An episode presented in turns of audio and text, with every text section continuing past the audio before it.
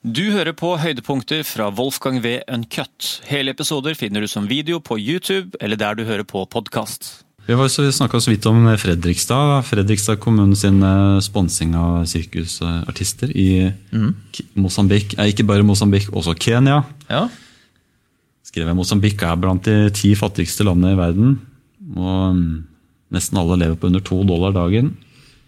Det var jo allerede en sånn bølge med å si opp folk i kommunen eh, på vei mot Robek på den tida, i 2018. da jeg skrev om det. Men eh, ja, hvor mye penger tror du det er verdt å bruke på sirkusartister i Mosambik? 2,5 mil. Det fikk jeg da oppsummert til 13,1 millioner skattekroner. Helt off. Jeg pleier å være ganske god på å gjette på sånn IMDb-score, men kanskje bistandsscore, der er jeg ganske ræva. Der må jeg, jeg må ha litt flere referanser og noen eh, ankere, tror jeg. Men jeg får se om jeg greier å kalibrere meg inn her. Det var ganske langt unna. 13 mill., Ja. Det er det det koster, da. Det er, ja, det koster. Og så en litt, litt off topic, men du vet i skattelisten nå, så er jo Man kan jo sjekke hvem som har eh, søkt deg opp i skattelistene. Så av en eller annen grunn så kom jeg til å tenke på det her om dagen. Så sjekka jeg det. Så så jeg Nils Petter Molvær. Så av en eller annen grunn han hadde sjekket meg i skattelistene. Oi. Jeg vet ikke hvorfor, men da tenkte jeg, har jeg snakka om han noen gang? Og det har jeg jo, i julekalenderen her. For i starten av den arabiske våren i Syria, den eh, da hadde så vidt starta i, i Tunis, Tunisia, var det ikke det først? Begynte å bli litt bråk. Man skjønte at det spredde seg til Egypt og Syria etter hvert. Nå vet vi at det var Syria som eh, på en måte ble herja verst med. Men den eh, staten eh, satte inn et tiltak i Syria på, på denne tida. Bistandsdepartementet betalte for at, at Nils Petter Molvær skulle dra og spille. Spille konsert i Damaskus. Det høres ikke billig ut, altså. Men jeg la da merke til i et enormt regneark over bistands, bistandssaker 50 000, 50 000 linjer var det det regnearket. En linje for hver, hver sak over ti år. Ja. Trykker kontroll F der, søker på jazz. Det var vanvittig. Og så fant jeg ut Vi hadde da de siste åra sponsa jazzarrangementer i Uganda, Sør-Afrika, Makedonia, Bosnia, Kina, Libanon, Syria, Pakistan, Indonesia, Kosovo, India, Bangladesh, Nicaragua, El Salvador. Og til slutt da jazzfestivalen Madagaskar på Madagaskar. så, ja, så det, jazz det er voldsom sånn satsings... eh, Yes, vi eksporterer jazz. ja. Det- Men det har jeg jo hørt veldig lite om. det. Altså. Altså, likevel så er det så dårlig jazz på NRK Jazz.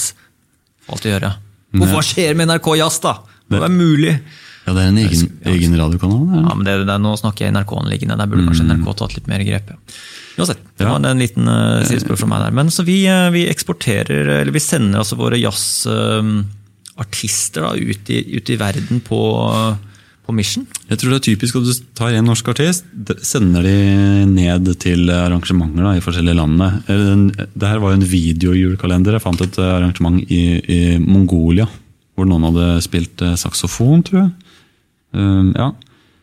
Hvor mye penger går til det?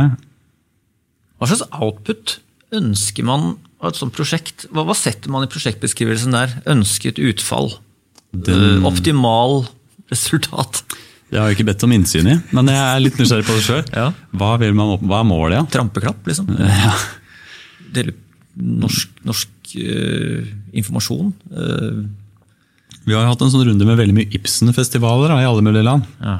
Det var en Ibsen-festival i India som holdt på en del år. Men så kom det nesten ikke noe folk. da. Der var det jo i hvert fall Kan du kanskje vinkle det til en uh, greie med å spre norsk kultur, men uh, ja, jazz, vet jeg. Søren om noe forbinder eh, Norge med, med jazz. Men, ja. ja, ok, Det her var kanskje ikke det største pengebruket, men en liksom morsom symbolsak. At jazz skal spres verden rundt. Hva, hva, hva ville du betalt for å sende noen uh, musikere hit og dit? Sånn i snitt? Nei, men, altså, altså, men jazz er dyrt. Altså, hvis, du skal, hvis du skal kjøre et helt band, eh, så snakker vi jo summer her. da. Det er jo som å kjøre et lite orkester da, av gårde. Jeg ville i hvert fall banka på med en 350 000, da, kanskje. Mm, ja, jeg, jeg fikk da samla sammen 601 000 skattekroner. På, til eh, Akkumulert på alle sammen, da, eller? mm, Ja. Ja, Det var ikke så gærent ja. Ikke, ikke enormt, da. Men eh, likevel litt inter- interessant. Da. Norsk bistand går til jazz. Ja. Så var det en annen sak som jeg synes var litt morsom. I Malawi, der var i 2009 21% av de Malawis nasjonalforsamling var kvinner. 21% Det er jo litt for dårlig. Skal være, alt skal være 50-50. Mm. Det her må Norge rydde opp i. Klart det. Um, så i ti år, nei, ni år holdt de på med et prosjekt. Ehm, I 2009 altså, da var det 21% av nasjonalbefolkningen Nei, i, i deres storting var kvinner. Etter Norges innsats i 2018 var det gått fra 21 til 17% Ja. Hvor mye syns du det var verdt å betale for det? Nei, så det er en, eh, kanskje fem millioner, da? Og Det gikk det riktignok ned fra 21 til 17, men det betalte vi 38,1 millioner skattekroner. 31,8, ja.